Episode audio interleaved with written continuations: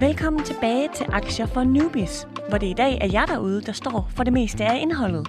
Vi spurgte nemlig ud på Instagram, hvordan det går jer på aktiemarkedet. Og om I måske har nogle spørgsmål eller nogle emner, som I rigtig godt kunne tænke jer at få svar på. Så jeg vil gerne sige tusind tak, fordi I har været så engageret. Og derfor så kan vi også byde velkommen tilbage til en af programmets eksperter. For jeg kan ikke komme i tanke om ret mange, der vil være bedre til at hjælpe os med de her aktieinvesteringsspørgsmål, end en vaskeægte aktiechef. Derfor så taler vi med Otto Friedrichsen, der er aktiechef hos Formuepleje. Og jeg tør godt love jer, at I har nogle gode råd i vente. Han hjælper med at besvare nogle af de spørgsmål, som I har sendt ind. Og så afrunder Victor og jeg den her snak, vi startede på i sidste afsnit, hvor vi ligesom gennemgår de råd, vi har fået af eksperterne indtil videre. Du lytter til Aktier for Newbies, og mit navn det er Camilla Michelle Mikkelsen. Victor, vi har jo snakket lidt om øh, nogle af de ting, vi har været igennem i programmet. Og vi har også været en lille smule inde på mødet med aktiechefen Otto Friedrichsen, der er i formuepleje. Og øh, dengang vi mødtes med ham, der fik vi jo talt om, hvordan man vælger enkelte aktier. Og det er noget, som jeg har gjort mig ret meget i. Så jeg tænker, skal vi ikke lige høre, hvordan det gik dengang med Otto? I forhold til den gode historie, i forhold til den forskel mellem den gode historie og den investeringsmæssige gode historie, så handler det om at forstå, jamen, når du ser, at Netflix kommer med en ny serie, så har alle andre også set det. Mm. Øh, og selvfølgelig indarbejdet det i prisen på Netflix og i nøgletallene på Netflix. Det, der handler om for dig, det er at se på, jamen, tror du, at Netflix kommer med endnu flere gode serier, som kan være med til at drive udviklingsudviklingen endnu mere i, i Netflix, og måske også mere end det, markedet allerede forventer, så har du måske en væsentligt bedre case der, end hvis du nu så, at jamen, Netflix bliver overhalet af Disney eller Paramount eller nogle af de andre, som, øh, som vil være en udfordring for indtjeningen Netflix. Og det er jo noget af det, jeg har haft meget med i overvejelserne. Det her med den gode historie og forsøgt at få øje på noget mere end det, som markedet allerede forventer. Og det var faktisk også en af årsagerne til, at jeg øh, simpelthen smed mine penge efter Carlsberg i går. Fordi at jeg har fået et lille tip ude i byen, som jeg så håber ligesom bliver en ting til sommer. Sådan. Ja, nu må vi se, om øh, jeg har været foran markedet, eller om markedet røvrender mig. Men Victor, jeg ved, du er jo faktisk også begyndt at investere lidt, efter vi startede den her aktierejse. Ja, det kan man ikke lade være med, kan man det, når man er med her? Du kom ind, i hvert fald ind på markedet i, i februar i Yes. år. Hvordan forstod du Ottos råd? Jamen, øh, jeg forstod det jo sådan, at man skal øh, følge sin egen fornemmelse omkring, hvad man tror, der vil ske i fremtiden. Man skal ikke kun se på alt det info, der er derude aktivt. Man skal også måske øh, prøve at resonere sig frem til, hvad der kunne ske i fremtiden. Så jeg har for eksempel investeret i SAS, mm. fordi jeg tror på, at SAS kommer igen, når vi alle sammen får lov til at flyve, for eksempel. Måske mere, end hvad markedet forventer. Så det gælder om sådan at tænke længere frem. Ja, så du har faktisk brugt det her råd aktivt i dine egne investeringer. Ja, absolut. Og det er også det der med at kigge på, øh, ikke kun hvordan indtjeningen er, men også hvordan imaget er, og hvad det er for en slags firma og sådan noget. Så ja, absolut. Og vi har jo spurgt ud på Instagram, hvordan det står til med jer lytteres aktier lige nu. Blandt andet så har vi spurgt jer, om I er kommet ind på aktiemarkedet. Og der er der en del af jer, der har sagt, at det er I. Men i virkeligheden så er der endnu flere af jer, der har sagt, at I ikke handler med aktier endnu. Det er faktisk kun en tredjedel af jer, der er kommet i gang. Og det er endnu færre, som har haft tid og overskud til at sætte jer ind i markedet, selvom at I rigtig gerne vil det. Og det håber vi jo, at vi kan gøre lidt ved, og at vi kan gøre det lidt mere simpelt at komme ind i markedet, simpelthen med den her podcast. Derfor så har jeg også bedt jer om at skrive ind, hvis der var noget, som I gerne ville vide mere om. Fordi så vil vi enten lave et program om emnet, altså nu talte vi om før, at det kommer til at ske i forhold til ETF'er og udbytteaktier. Lige præcis. Og ellers så vil vi faktisk tage nogle af spørgsmålene op i dag. Og jeg kan godt afsløre, at der er kommet rigtig, rigtig mange gode spørgsmål. Og for at få svar på nogle af dem, så har jeg altså valgt at alliere mig med en tidligere gæst. Nemlig aktiechefen for Formuepleje, Otto Friedrichsen. Du er med på en linje nu. Velkommen tilbage til Aktier for Newbies. Mange tak for det, Camilla. Det er super dejligt, at du vil være med til at gøre mig, men også lytterne klogere på de spørgsmål, som de jo faktisk har skrevet ind til os. Kan du ikke Ja, men lad os uh, se, om vi, vi kan svare på det. Ja, det håber jeg. Du er jo en aktiechef, ikke? jo, men øh, der er også grænser. Okay. Vi ser, øh, om vi når din grænse i dag, Otto. Hvor længe bør man blive i en nedadgående aktie? Det spørger den første lytter om. Ja, og det er et rigtig godt spørgsmål, fordi en nedadgående aktie, altså en aktie, der falder i kurs, det er jo øh, for det første, når man ser på ens depot og på ens opsparing, så er det jo ikke særlig sjovt at se, at værdien af ens depot, det bliver mindre værd, når en aktie falder, eller når flere aktier falder. Det er det ene aspekt. Det andet aspekt er også det psykologiske. Det er utrolig svært at håndtere, at noget går mod det, der egentlig var planen man, mm. man har lavet. Altså det, at man har købt en aktie, det, at du har købt Carlsberg, og Victor har købt SAS, nu skulle den gerne stige, for I har taget et aktivt valg om at købe de her aktier, og derfor så I helst, at I fik ret, I ligesom kunne komme ud og sige, at min, min analyse var korrekt, jeg havde set markedet rigtigt, jeg har læst aktien rigtigt, og nu stiger den. Når det modsatte sker, at man sådan rent psykologisk skal erkende, at det ser ud som om, at man har lavet en fejldisposition, altså man har læst markedet forkert, eller man har lavet en forkert analyse, så er det, det bliver svært at ligesom rent psykologisk håndtere det. Så når du spørger om, hvor længe man skal holde nedadgående arse, så er jeg meget tilbage til det fundamentale, altså til ens forarbejde, ens analyse. Det her med, at når man foretager valg om at købe en aktie, så laver man en gennemgang af aktien. Man kigger på dels nøgletal for værdiansættelse, man kigger på indtjeningsudvikling, man kigger på selskabet. Hvor er det, selskabet skal være om 5-10 år, hvis man tager det lange perspektiv. Og ud fra den analyse, kan man sige, så er det, at man tager beslutning. Og der er mit, mit argument, jo mere grundig du er i den beslutning, jo mere conviction du har på, at SAS eller Carlsberg skal blive en fantastisk aktie. Måske ikke lige den næste måned, men i hvert fald det næste år eller de næste tre år, jo mere conviction du har der, jo mere skal du lukke øjnene for, at aktien falder.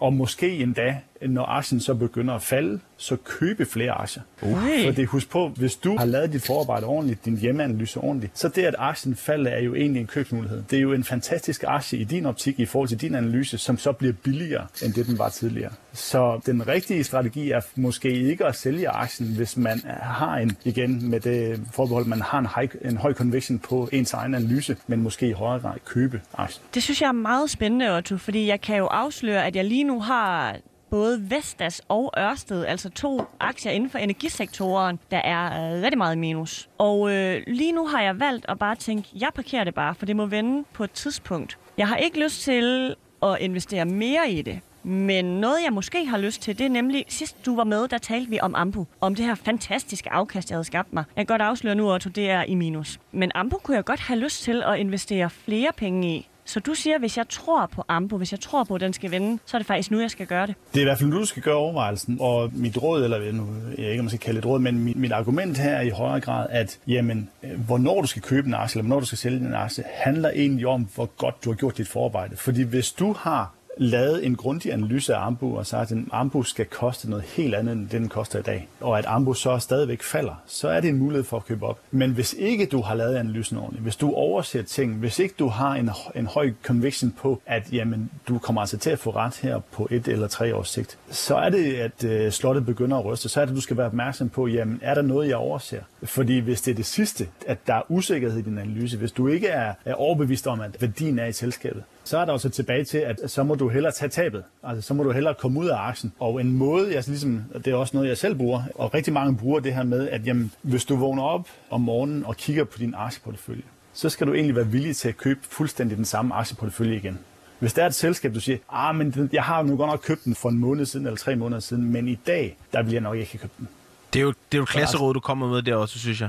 Så i virkeligheden skal man bare stole på sig selv og på den research, man har lavet? Der er ikke nogen, der hjælper dig i, øh, i forhold til, til aktiemarkedet. Det er en, en slagmark, hvor alle vil øh, deres eget bedste. Øh, det skal man hele tiden have for øje. Og når man er op mod andre investorer, når du køber en aktie, så er der en, der sælger en aktie til dig. En, enten dig eller sælgeren vinder det slagsmål. Og det synes jeg i høj grad, man skal være opmærksom på, at jamen, du skal sørge for, at den strategi, du lægger, den vinkel, du tager i forhold til selskabsvalget, at du har gjort dit hjemmearbejde grundigt, at du har en forståelse for, hvad er det, der driver værdien i selskabet. Jo større forståelse, jo mere sikker du er på det, jo bedre kan du gå ind og købe, når aktien falder. Er du usikker, sker der ting i virksomheden, der ændrer sig, så din analyse ændrer sig, så skal du også være klar til at tage et salg af aktien, selvom det gør utrolig ondt rent psykologisk, og erkende, at man har taget fejl. Men det er bedre at få lukket en faldende aktie, hvis man har taget fejl, end at holde fast i den og håbe på, at det går godt godt. Det er bedre at få lukket, end at tage fejl. Det synes jeg er et godt råd, og lad os hermed parkere det her med nedadgående aktie der. Fordi det næste, der faktisk er rigtig mange, der spørger ind til, det er den her renters renteeffekt. Og hvis jeg bare lige skal sætte nogle ord på, hvad det betyder, så kan man sige, at hvis du investerer 100.000 kroner, og for eksempel får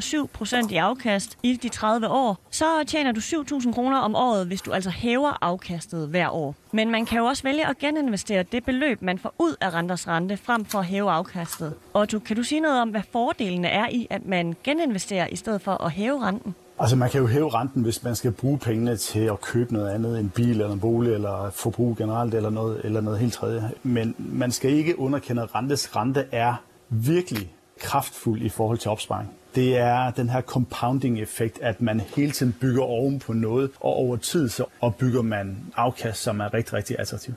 Altså, øh, hvis vi ser på compounding eller rentes rente, eller hvad man kan kalde det i forhold til, til opsparing, så svarer det lidt til at skulle trille en snebold ned af et stort bjerg med sne på. Jo højere du kommer op, altså jo før du starter med din opsparing, jo højere du kravler op på bjerget og begynder at forme snebolden, jo større er muligheden for at lave en rigtig, rigtig stor snebold, når du er nede i bjerget, eller når du skal bruge pengene, når du skal på pension. I takt med, at du begynder at rulle snebolden, så er afkastet selvfølgelig afgørende. Jo mere afkast du kan lægge på din snebold hver eneste år, jo bedre bliver dit langsigtede afkast. Husk på, at hvis du har 7% på 100 kroner, så året efter, så har du 107 kroner. Og to er det altså 7% af de 107 kroner, du nu skal lægge oven i din snebold. Så det er hele tiden den der med, jamen du får rentes renteeffekten, som gør din snebold større. Og i takt med, at snebolden bliver større, altså din renteeffekt bliver større, så tager du også et meget større afkast og tid i forhold til at få rullet snebolden ned i bjerget. Så det er øh, helt klassisk i forhold til opsparing. Og jeg vil sige, hvis man overvejer at tage sit øh, afkast ud, sin opsparing ud, at enten det er en aktie eller den opsparing andre steder i andre aktivklasser eller på en, nu i, i forhold til en bankkonto, der får man ikke meget rente i øjeblikket. Men hvis man vælger at tage den ud, så afskærer man sig fra den mulighed om at få rentes renteeffekten. Og det skal man være meget opmærksom på, at over tid er det et, altså et meget, meget kraftfuldt middel i forhold til at opbygge en opsparing.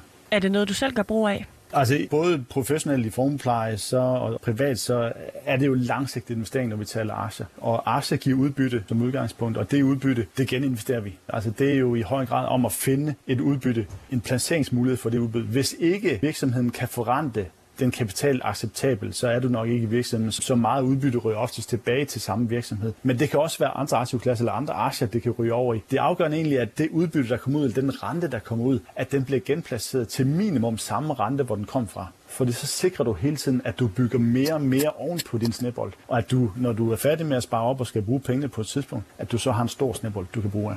Det råd er hermed givet videre, Otto. Der er også en, der har spurgt, hvor man kan søge inspiration til enkeltaktier. Og øh, der kan vi jo i hvert fald sige, at øh, man kan lytte til de to afsnit, vi allerede har mm. lavet med dig, Otto. For det var det, vi snakkede om sidst. Men hvis du nu alligevel skal give nogle bud på, hvor man skal søge inspiration, hvad vil du så øh, give videre til lytterne?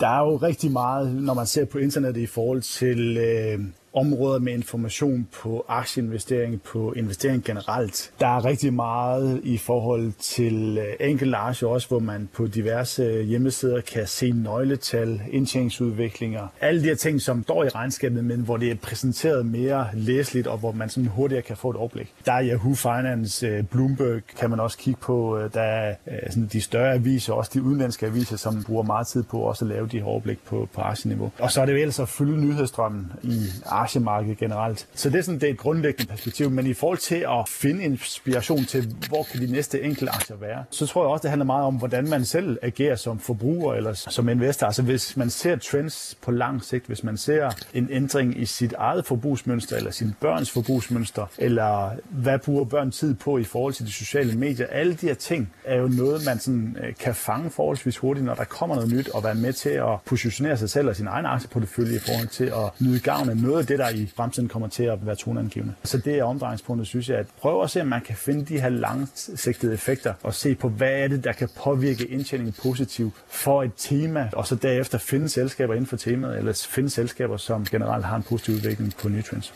Otto Friedrichsen, du er aktiechef i Formuepleje, og øh, der er faktisk en anden, der har stillet et spørgsmål, som jeg ikke helt ved, om jeg selv kan svare på. Altså, der er egentlig blevet spurgt om, hvordan sælger man sine aktier? Og der kan jeg jo godt sige, at det foregår på samme måde, som man køber. Og hvis man køber gennem danske platforme eller banken, så er der også automatisk styr på skatten. Men jeg tænker på, om vi kan udvide det her spørgsmål til at sige noget om, er der et tidspunkt for, hvornår det kan være smart at sælge sine aktier? Ja, det er der. På samme måde som vi øh, talte om med den faldende aktie, om man skulle købe eller sælge, når en aktie falder, så er der også, i hvert fald i forhold til, hvordan vi tænker øh, og hvordan vores opskrift er, så er der en helt klar opskrift på, hvornår vi sælger aktier. Og der er vi tilbage til analysedelen igen. Når vi laver en analyse af et selskab, når vi beskriver et selskab, analyserer et selskab i forhold til, hvordan indtjeningsudviklingen bliver i fremtiden, så har vi også et klart kursmål på, hvor meget skal den her aktie stige, før vi ligesom kan sige, at nu er den færre prisfastsat. Og i vores setup, der bliver aktien altså solgt, når vi rammer den her færre værdi, vi selv har estimeret. Når aktiemarkedet generelt også ser det, vi ser i vores analyse, og priser aktien eller værdiansætter aktien på samme måde, som vi vil værdiansætte aktien ud fra en færre pris, så vil vi sælge aktien. Så jeg tror, i forhold til, hvornår man skal sælge sin aktie, så er det i høj grad, hvornår har resten af markedet også set det, jeg så, da jeg købte aktien. Altså, hvornår er afkastmulighederne blevet reduceret i aktien, eller i hvert fald kraftigt reduceret i forhold til det, jeg så tidligere? Og så egentlig være ret kynisk med at sælge den. Det der med at se en aktie stige kraftigt, og faktisk indfri den fundamentale værdi, og måske også gå over, så du faktisk opbygger en, en aktiekurs, som afspejler nogle langt højere forventninger, end det, man måske kan retfærdiggøre i forhold til regnskaber, i forhold til indtjeningsforventninger. Det kan være forholdsvis farligt, fordi skuffelser er noget af det, som aktiekurser reagerer meget, meget kraftigt på. Så det der med at, at krydse fingrene og lukke øjnene og sige, ja, nu er den jo stedet 20 øh, eller 30 eller 100 procent op til færre værdi. Nu håber jeg, at den kommer til at stige mere, end den har gjort tidligere. Det er ikke noget, vi læner os op af. Det er tilbage til, hvad er det, vi kan se, hvad er det, vi kan måle, og når vi har indfriet det, så sælger vi aktien.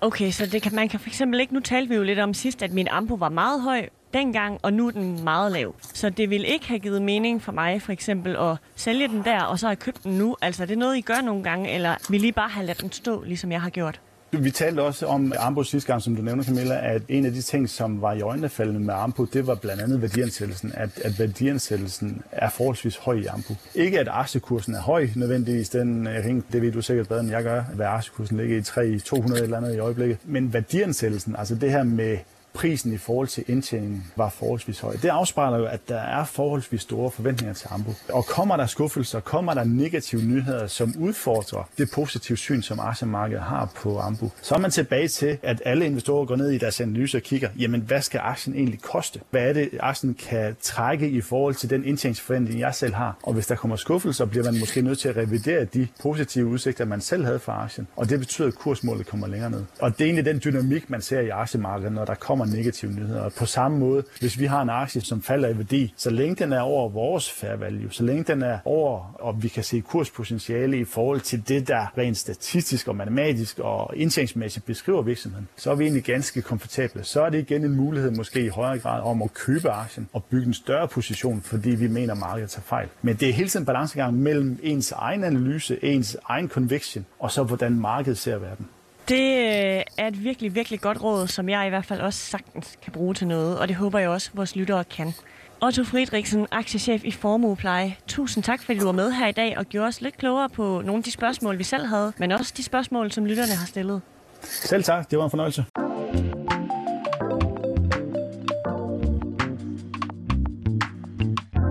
Victor, som en slags afrunding, så tænker jeg, at vi måske kan snakke lidt om de største aha-oplevelser, vi har haft med investering. Hvis du altså har sådan en, har du en aha-oplevelse? Jamen, det har jeg, og det har jeg faktisk. Nu har vi lige sagt farvel til Otto, men den stod han for, fordi det, vi mm. lavede det afsnit med ham, hvor han fortalte om det der PE-nøgletal. Det var som om en, en kæmpe del af puslespillet pludselig blev låst op for mig. Sådan, okay, så man kan alle de der nøgletal, de kan altså mere end bare at se forvirrende ud og øh, sige alt muligt forskellige om alt muligt, som man ikke ved, hvad er. Hvis man reelt kan bruge nogle af de nøgletal, Ja, det er sådan, du har haft det, når du har kigget på, nu ved jeg, du er på Nordnet, ikke? Ja. Når du har kigget på den her øh, platform, når du har investeret, har du så bare været forvirret over alle de tal, der stod der? Ja, fordi det fungerer sådan på Nordnet, at når man går ind på en enkelt aktie, og man scroller ned, så står alle nøgletallene i sådan et schema nærmest. Og hvis man ikke ved, hvad de betyder, så jeg har en tendens til bare til, okay, men det ved jeg ikke noget om, så jeg, det glemmer jeg bare. Det ser for forvirrende ud, ikke? Og, men det var ligesom en, en indgang til mig til at sige, okay, men de her, de kan altså noget specielt, det der PE, og altså, jeg synes, jeg giver sindssygt god mening, at man ligesom bliver opmærksom på, at men det kan godt være, at aktien koster så og så meget, men du får kun så og så stor en del af firmaet, så at sige. Mm. Og det var for mig en kæmpe, ah, oh, okay, så det er sådan, det rent faktisk hænger sammen. Har du så brugt det her nøgletal siden? Fordi nu er det jo øh, en måned siden, vi har haft Otto med sidst. Har ja. du købt noget, hvor du ligesom har været inde og kigge på det her PE-nøgletal? Jeg har ikke købt det nu, men jeg holder meget øje med nøgletallene nu. Altså, det er det første, jeg kigger på, når jeg går ind og kigger på Google, Coca-Cola, whatever. Så det er det første, de går ned, ah, så skal jeg lige se. Også fordi jeg føler mig som professionel, ikke? Jeg føler, jeg har styr på mit uh, stof. Og jeg kommer helt sikkert til at bruge det aktivt, når jeg skal købe. Absolut.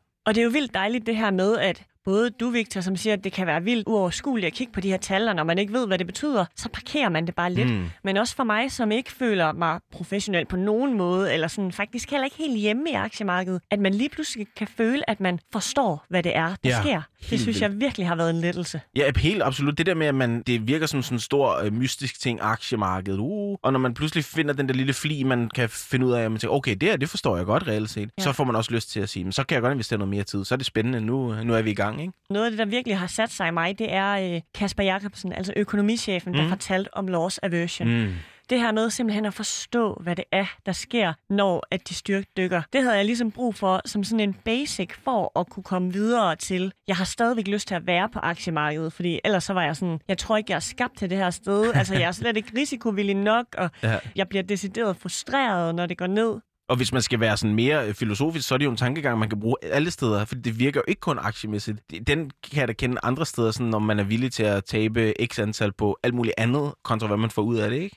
Jo, og så synes jeg lige, øh, Otto Friedrichsen, han gav et nyt lag til det også nu, da vi talte om, hvor længe man skal blive i en nedadgående aktie. Helt sikkert, helt sikkert. Og så vil jeg sige, det råd med, at hvis jeg vågner op i dag og kigger på min aktieportefølje, om jeg vil købe den samme i dag, det er et kongeråd da han sagde det, der gik jeg også lige sådan min portefølje igennem i hovedet ja, og var præcis. sådan, tjek, tjek, tjek. Okay, ja. det tr- ja, og jeg tror faktisk, at selvom jeg godt kan afsløre, at jeg har flere, øh, der er negative, jeg tror ikke, jeg skal sælge dem. De skal bare stå der og hygge sig. Ja, så gjorde, det gjorde præcis det samme, der noget så jeg sådan, okay, jeg skal lige...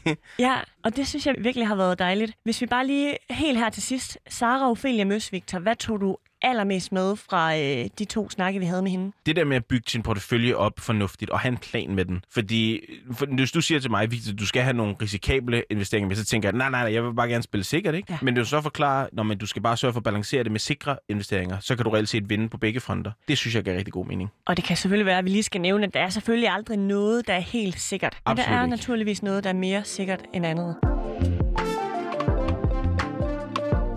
Her slutter denne omgang af Aktier for Newbies. Endnu en gang tusind tak til jer derude for at være så engageret og sende så mange gode spørgsmål ind til os.